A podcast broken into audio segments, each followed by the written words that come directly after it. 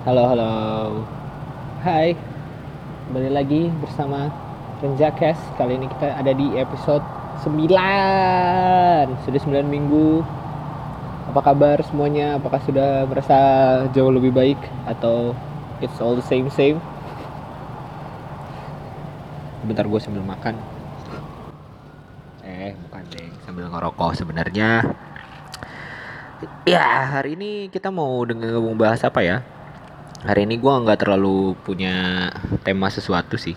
Eh, ada ada ada ada ada temanya. Hari ini adalah eh gue mau ngomongin sesuatu yang balik lagi agak lebih emosional daripada biasanya. Setelah kemarin-kemarin kita ngomongin yang hmm, self self development gitu kan kayak eh, kenapa kita nggak underachieve flirting atau terus kemarin gimana caranya jadi orang yang lebih asik.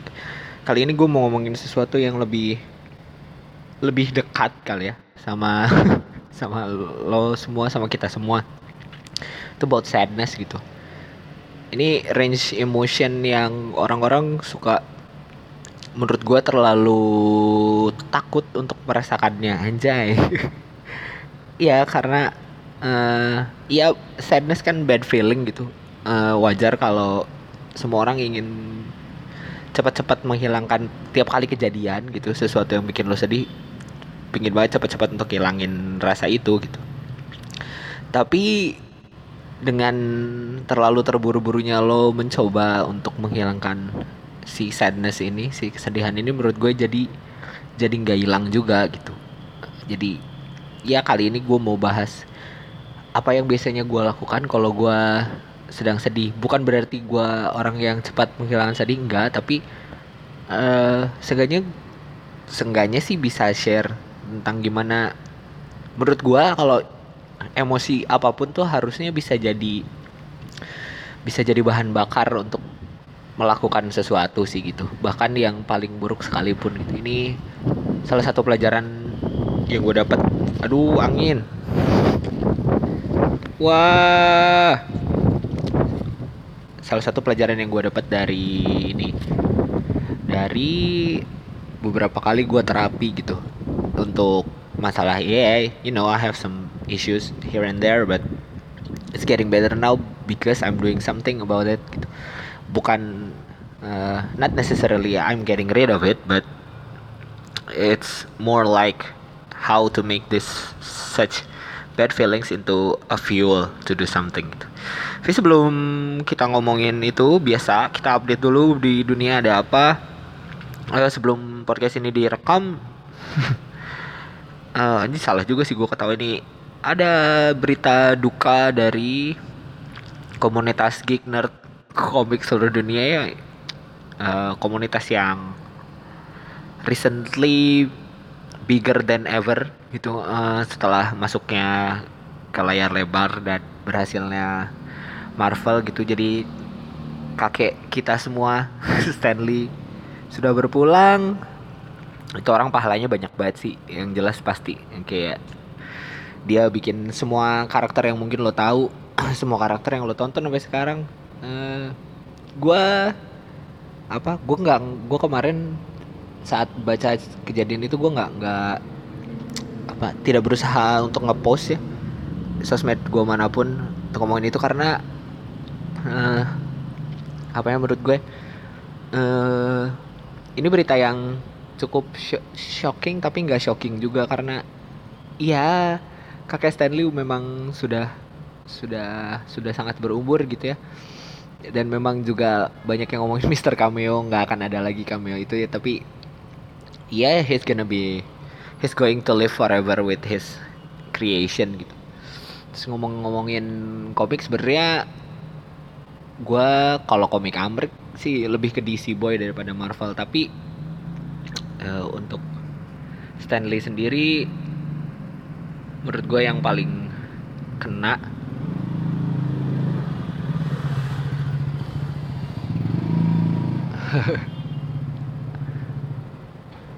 ya untuk Stanley sendiri karakter yang paling kena buat gue tuh Spider-Man sih. Uh, jadi buat yang nggak begitu ngikutin. Kalau lo baca kalau lo cari-cari kayak sejarahnya Spider-Man Stanley tuh tidak terlalu suka dengan DC dulu yang terlalu agak terlalu kid friendly menurut Stanley. Dia bikin karakter yang lebih dark and edgy. Gak kayak sekarang yang kebalik yang filmnya somehow gak bahkan gak filmnya juga bahkan komiknya juga uh, eh, DC lebih dark and edgy sekarang ya intinya dulu uh, Stanley gak begitu seneng dengan karakter favorit gue. Itu Robin. Dia pikir Robin sebagai sidekick tuh aneh gitu. Kenapa bocah jadi kenapa bocah ikut-ikutan ngelawan kejahatan malam-malam gitu. Buat dia aneh gitu. Tapi terus jadi dia bikin antitesisnya Spider-Man yang mana ya itu sama juga bocah tapi dia pahlawan sendiri gitu. And it, it quite mm, inspiring buat gue yang yang ngerasa ya Peter Parker tuh sebenarnya gue banget gitu. Kayak uh, masa kecil dan remajanya bukan orang yang kuat tapi dia quite inspiring dia akhirnya bisa ya walaupun ada ada magicnya sedikit. Magic sih nggak maksudnya ada ada pseudo science sedikit ini dikit laba-laba you know the story lah. Tapi itu karakter yang paling gue bisa hmm, refleksikan diri gue gitu. Kalau baca Peter Parker tuh uh, apalagi yang zaman masih SMA ya kalau lo baca sekarang sih udah mulai baca yang bar yang baru-baru uh, Spider Run Spider-Man lumayan sih bagus. Cuman dia sekarang kayak bertumbuh bersama gue gitu. Umurnya ceritanya dia dengan umur yang late twenties lah udah punya sekarang semacam Steve Jobs gitu semacam antitesanya Tony Stark di mana Tony Stark tuh sama teknologi dia yang bikin tapi dia skeptis. Tapi kalau Peter Parker dia lebih ke hmm, lebih ke Batman tapi tapi ceria gitu ya. Gue itu uh, karakter Stanley master, menurut gue yang paling masterpiece gitu. Kedua Hulk mungkin. Karena hmm, ya dia bisa bikin apa Mr. Jekyll and Hyde dua bipolar gitu bisa jadi cerita superhero lucu juga gitu. Walaupun Hulk nggak hero-hero amat sih sebenarnya kan musuh musuh negara.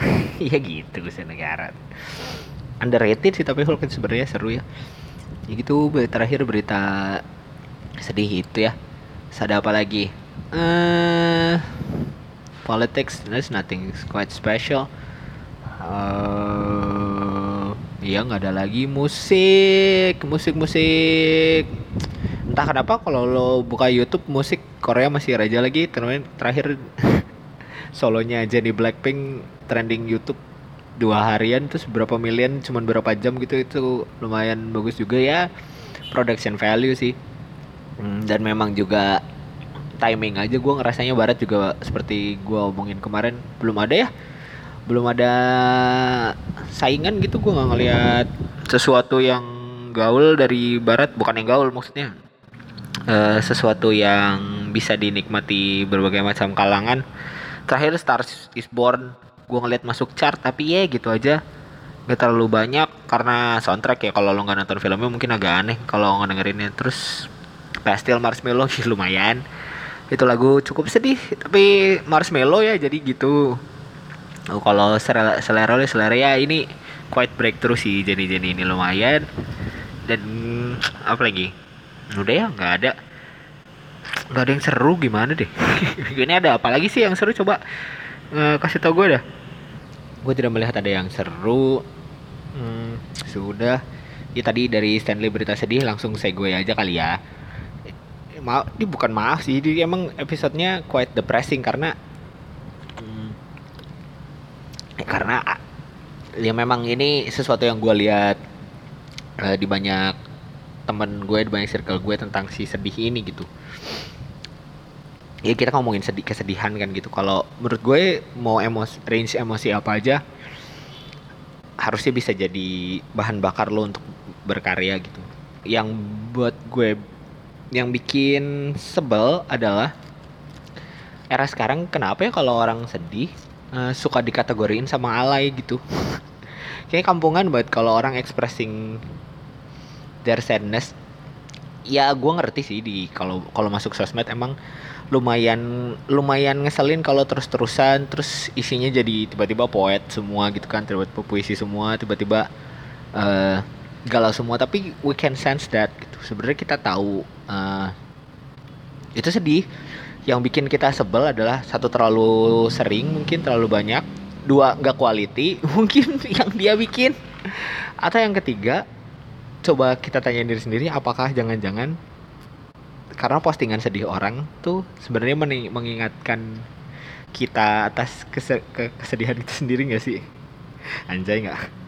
Gue sih ngerasanya gitu gue suka hmm, ada yang ber, ada sering yang bikin hit gitu kayak anjing dia nulis dia nulis kayak gini apaan sih? Gitu.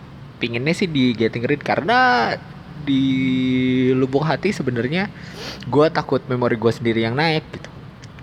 Dan atau yang kedua yang suka bikin sebel adalah kita tahu orang lagi sedih nih. Uh, terus masal dia mencoba menutupi gitu si kesedihannya dengan partying too hard menunjukkan ke orang-orang kalau dia baik-baik aja gitu. Segala sesuatu yang lo sengajain banget gitu ekspresi yang lo sengajain sih menurut gue itu jadi kelihatan fake aja. Kalau kesannya ya ya begitu jadi palsu gitu loh. Kayak lo seneng-seneng palsu aja ngapain ngapain sih gitu. Akhirnya orang nggak terlalu peduli juga uh, ngelihatnya mending sih kalau nggak kalau nggak peduli bagus tapi orang ya jadi sebel gitu. Cuman stereotip stereotip satu dua gini yang bikin hmm, orang-orang jadi mikir dua kali gitu untuk expressing sadness yang menurut gue padahal expressing sadness harusnya bisa membantu gitu. Itu akan sangat membantu gitu untuk ngelewatinnya pada padahal ya uh, tapi ketutup stereotip uh, alay gitu. Ya jadi jadi makin makin sedih aja. Karena kalau di battle karena kalau di battle up jadi jadi panjang gak sih gitu loh sedihnya. Jadi gue bikin not necessarily juga sih. Tapi biasanya yang gue lakukan kalau gue lagi mengalami apa kayak sedih mendalam gitu kali ya. Biasanya kalau sedih kan uh, either kehilangan biasanya kehilangan kan apa pun alasan kehilangan ya lo mau ditinggalin lah lo mau ke mau ada yang meninggal lah. Uh, pokoknya lo kehilangan sesuatu gitu. Uh, sedih juga kehilangan motor lah kehilangan kerjaan lah. Kehilangan apa aja ya itu biasanya sadness tuh dari kehilangan gitu. Dan ekspresi sedih tuh harusnya jadi kayak last resort bukan last resort last moment untuk mengenang gitu. Kalau lo tutup tutupin atau kalau lo ingin buang langsung ya ya nggak bakal hilang gitu. Yang ada yang ada lo cuman postponing aja yang ada lo cuman bikin pending aja gitu itu perasaan lo gitu. Ini yang biasa gue lakukan.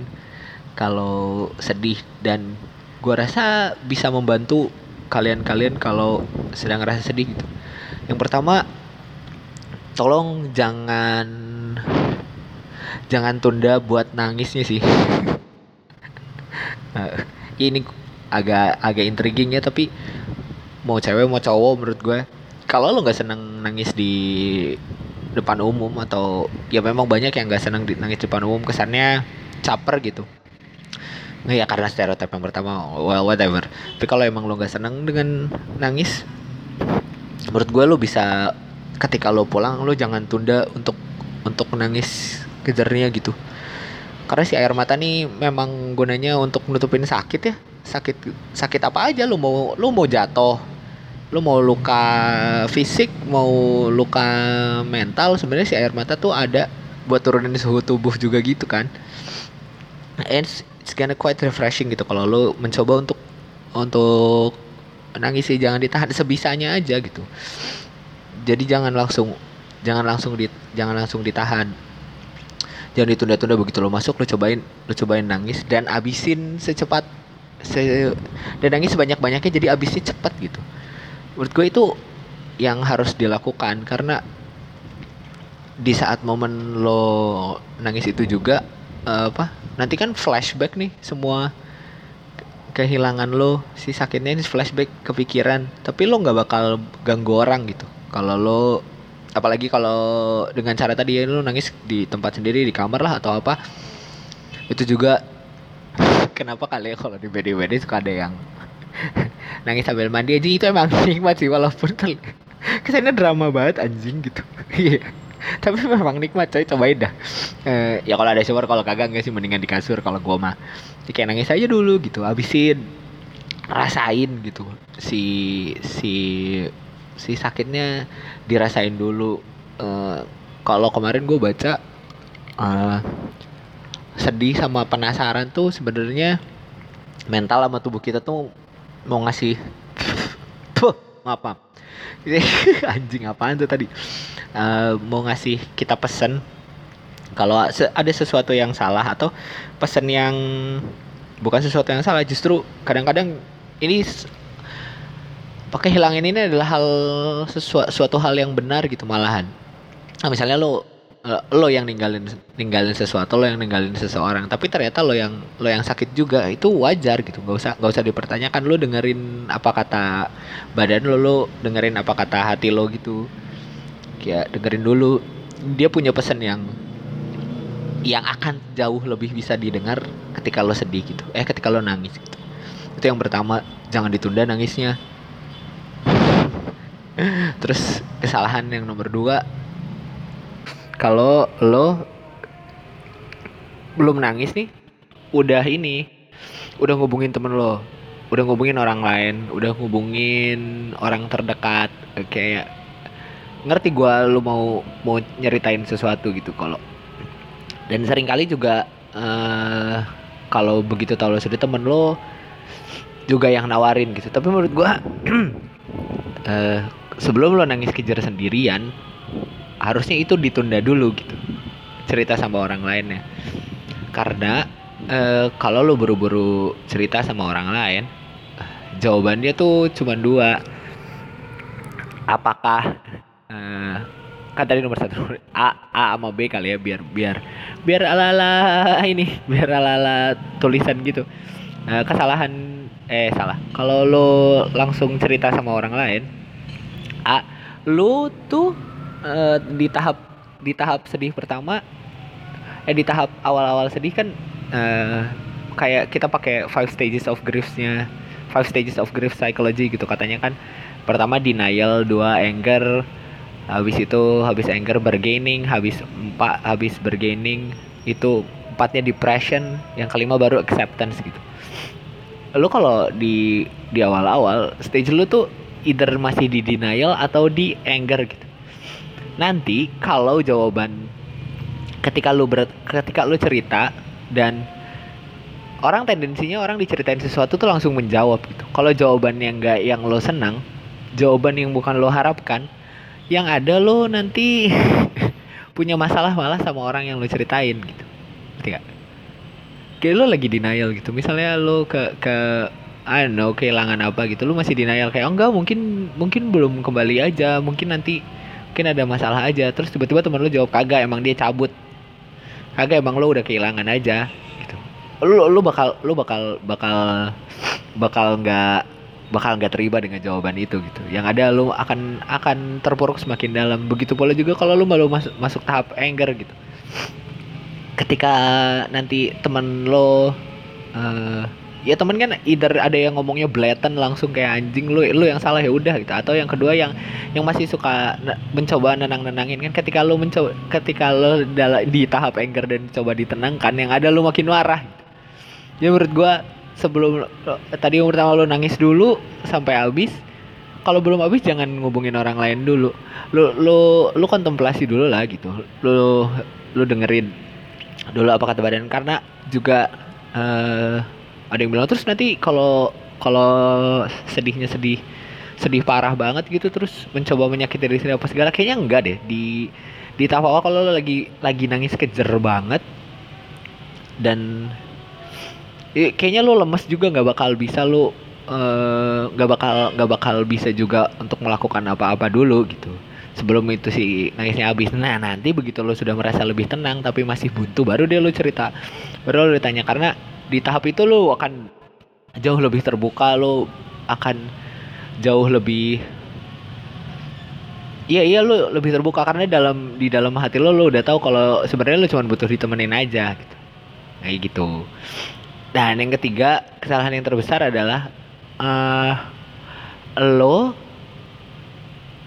kalau lo kalau lo tadi uh, nangisnya udah bener uh, rasa sakitnya udah udah meresap gitu anjing yang mau banget gak gue kayak pilunya sudah membiru kalau kata Kunto Aji anjing.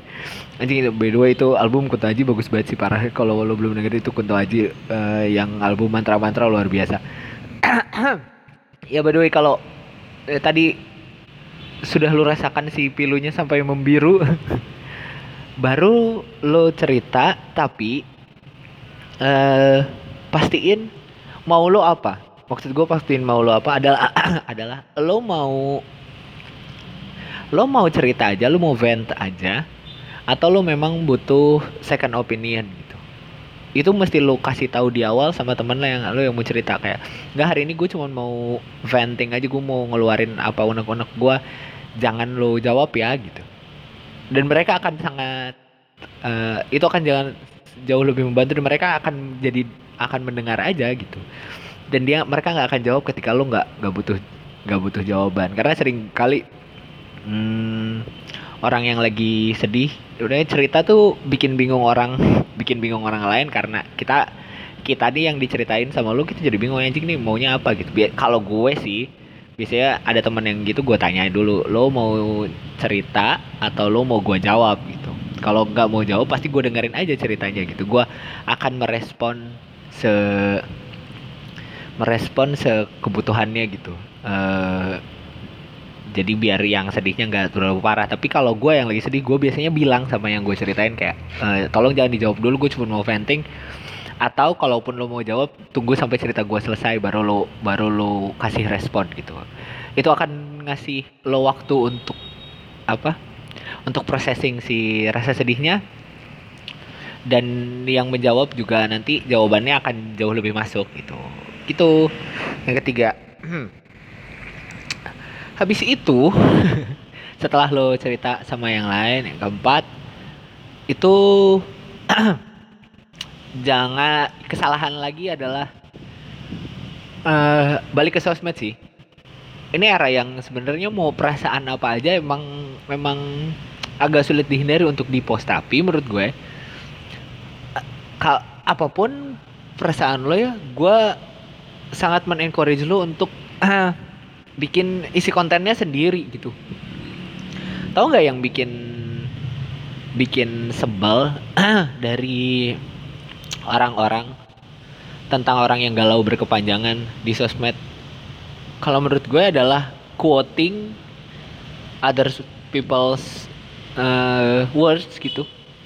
Nah, gue ngerti kalau misalnya lo lagi lagi galau parah nih terus lo buka akun religi I mean or uh, heartbreak accounts gitu atau apa terus lu repost kembali gitu. Gue tahu lu lu sedang merasakan hal itu merasakan hal apa yang ditulis. Itu kayak wah sangat sangat related to your uh, feelings gitu. Tapi kan orang lain gak terlalu ya gitu. Dan menurut gua kalau lu bikin kontennya sendiri lu tulis kata-kata lu sendiri kayaknya uh, satu lo akan merasa lebih terekspresikan karena memang itu kata-kata lo sendiri. Yang kedua juga sumpah bacanya lebih enak sih. Kalaupun memang kuat ya lo cari dulu tambahin ke atau apa gitu. Itu kayaknya strategi yang bisa bikin postingan lo agak lebih berfaedah gitu. Eh uh, ya mencoba art sih boleh mencoba apa boleh tapi uh, apa ya kurang kayaknya kurang kurangin spamming gitu dan ini juga kalau lu bikin kalau bikin kata-katanya sendiri lu bikin kontennya sendiri lah terserah apa. Selama itu bentuknya nggak bentuknya nggak kayak video Marshanda marah-marah tau lu? Selama bentuknya nggak gitu ya. Menurut gua akan jadi akan jadi menarik gitu. Karena jangan jangan pada munafik. Kalau ada temen lo yang galau kalau ada temen lo lu sebenarnya nungguin anjing kan mereka posting apa sebenarnya? Lu nungguin anjing kayak ini orang harusnya lagi baru putus kenapa kagak ada galau-galaunya anjing? Gitu. Kayak kagak ada bikin-bikin dia anjing kayak uh, sebenarnya sebenarnya audiens netizen ini senang pula dengan drama gitu. Kalau ya dan menurut gue juga si postingan ini bisa membantu. Kenapa? Karena nanti akan ada akan ada orang yang kelihatan emang bener-bener genuine mikirin lo. Lo kenapa? Lo nanya lo nanya mbak kalau ya kenapa sampai sampai bentuk postingannya gini? Uh, ya atau kenapa lo sangat kayaknya kelihatan not okay? Itu akan akan lo akan tahu gitu ada ada beberapa teman lo yang mungkin ternyata lo nggak sangka-sangka ternyata care juga gitu. Lo bisa bedain lah mana yang kepo mana yang care gitu. Dan itu ya uh, tadi nomor berapa sih? Ya uh, kesekian itu adalah ekspresiin diri lo sendiri pakai kata-kata lo sendiri pakai bikinan lo sendiri gitu. Uh, itu akan membantu sih menurut gue daripada lo daripada lo repost quote repost apa tanpa lo kasih sentuhan touchnya nggak ngasih konteks itu bikin bikin sebel orang gitu.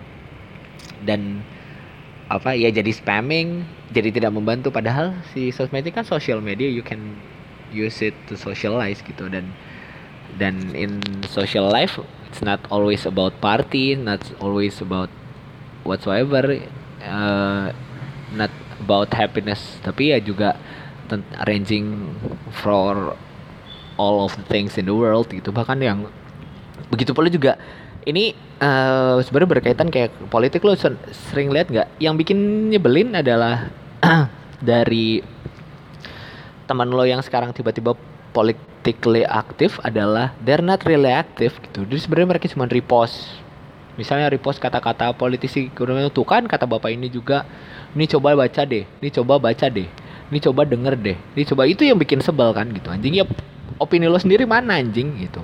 Itu yang bikin sebel begitu pola dengan yang sadness menurut gue. Ini harus bisa jadi sesuatu yang lebih lebih personal lo lebih lebih ngena dan bisa ngefilter mana yang benar peduli sama lo mana yang enggak gitu. Dan lo akan menemukan banyak hal baru dan kelegaan sih menurut gue dari posting ini. Uh, dan dengan asumsi lo tadi nangisnya sudah kejar lo sudah tenang lo sudah cerita dengan orang nanti postingan lo akan lebih lebih konsisten dengan apa yang lo rasakan dan gak spammy gitu nggak akan terlalu banyak. Karena sebenarnya filternya udah karena sebenarnya cara untuk menguranginnya udah udah step by step kan. Lo udah udah mikirin sendiri lo udah udah punya second opinion dari orang lain. Dan yang ketiga lo udah bikin bikin postingan gitu udah bikin agak lebih ekspresif. Terus yang terakhir, nggak terakhir, sebelum terakhir adalah jangan mau jangan buru-buru move on gitu. Jangan usaha untuk buru-buru move on. Usaha buat buru-buru ngelupain menurut gua eh gue kemarin baca di kerjaan kan gue baca baca demikian artikel kesehatan gitu kayak ke kayak diketemukan kalau tikus manusia sama babi itu sebenarnya punya cara untuk ngilangin memori yang distracting. Memori yang gak enak uh, kayak bahkan yang paling kecil-kecil kayak rasa pahit gitu aja. Ternyata tuh manusia sama ya manusia mamalia intelijensia tinggi gitu nggak inget rasa pahit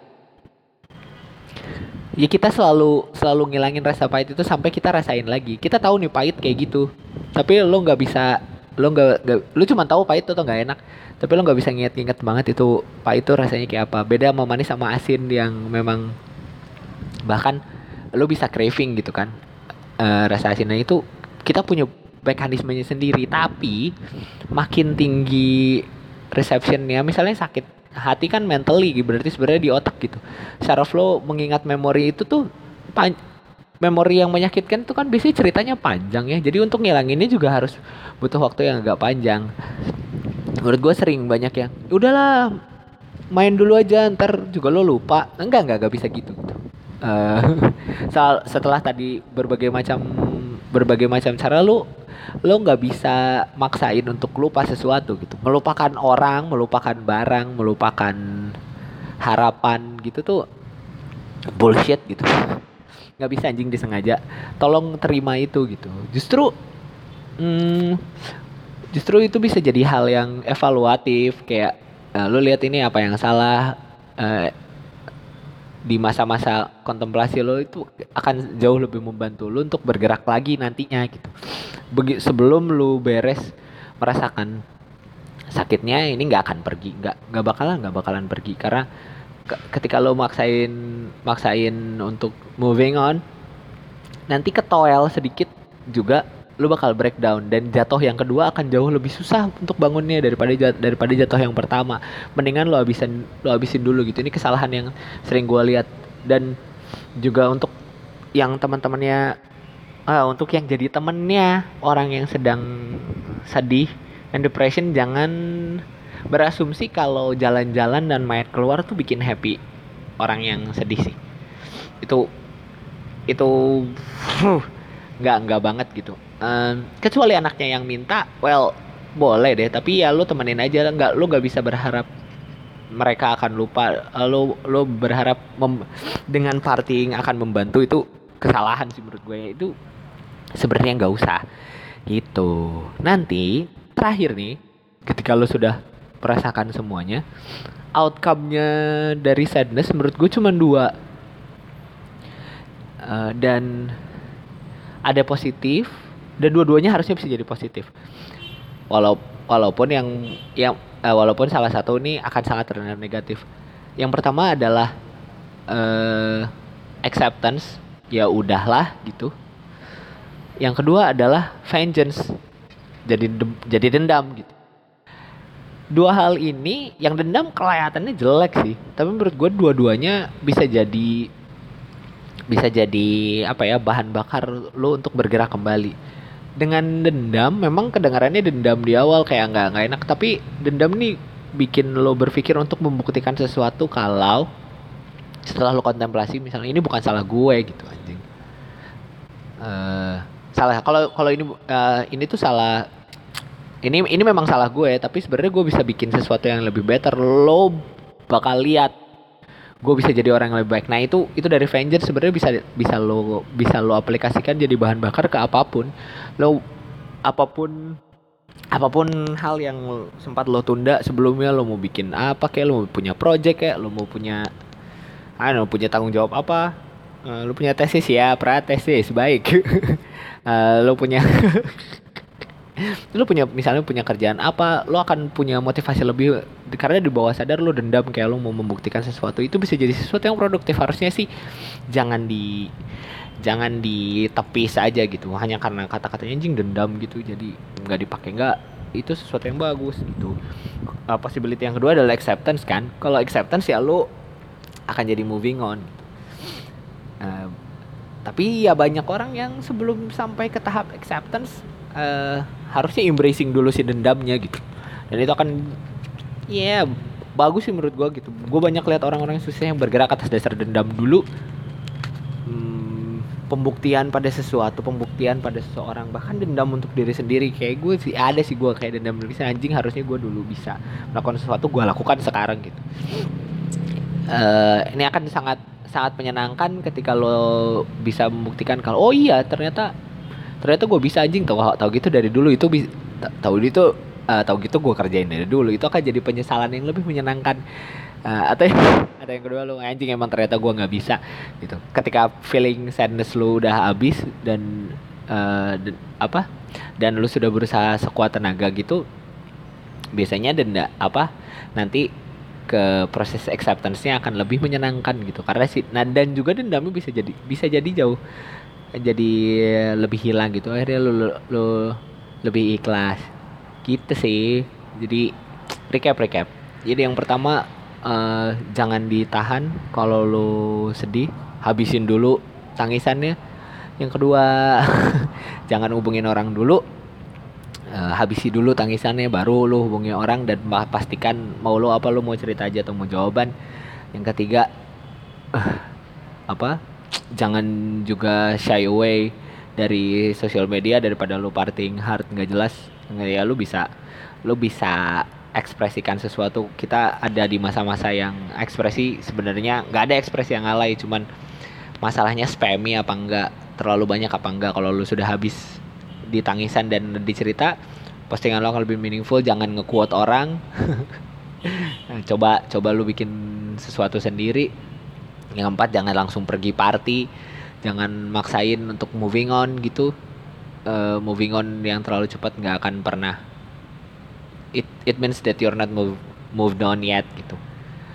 Uh, terus tadi empat itu ya. Yang kelima gue tadi ngomong apaan sih? Oh yang kelima kalau outcome-nya apa pun outcome-nya mau dendam atau mau langsung ikhlas ya lo embrace dulu jadikan sesuatu jadikan bahan bakar untuk ber, bergerak sesuatu dan kembali. Nanti kalau lo sibuk juga lo akan lo akan lo nggak bakal lupa tapi lo bakal lebih tenang uh, menghadapi memori kehilangannya gitu. Bahkan bisa jadi cerita lucu atau bisa jadi cerita apa.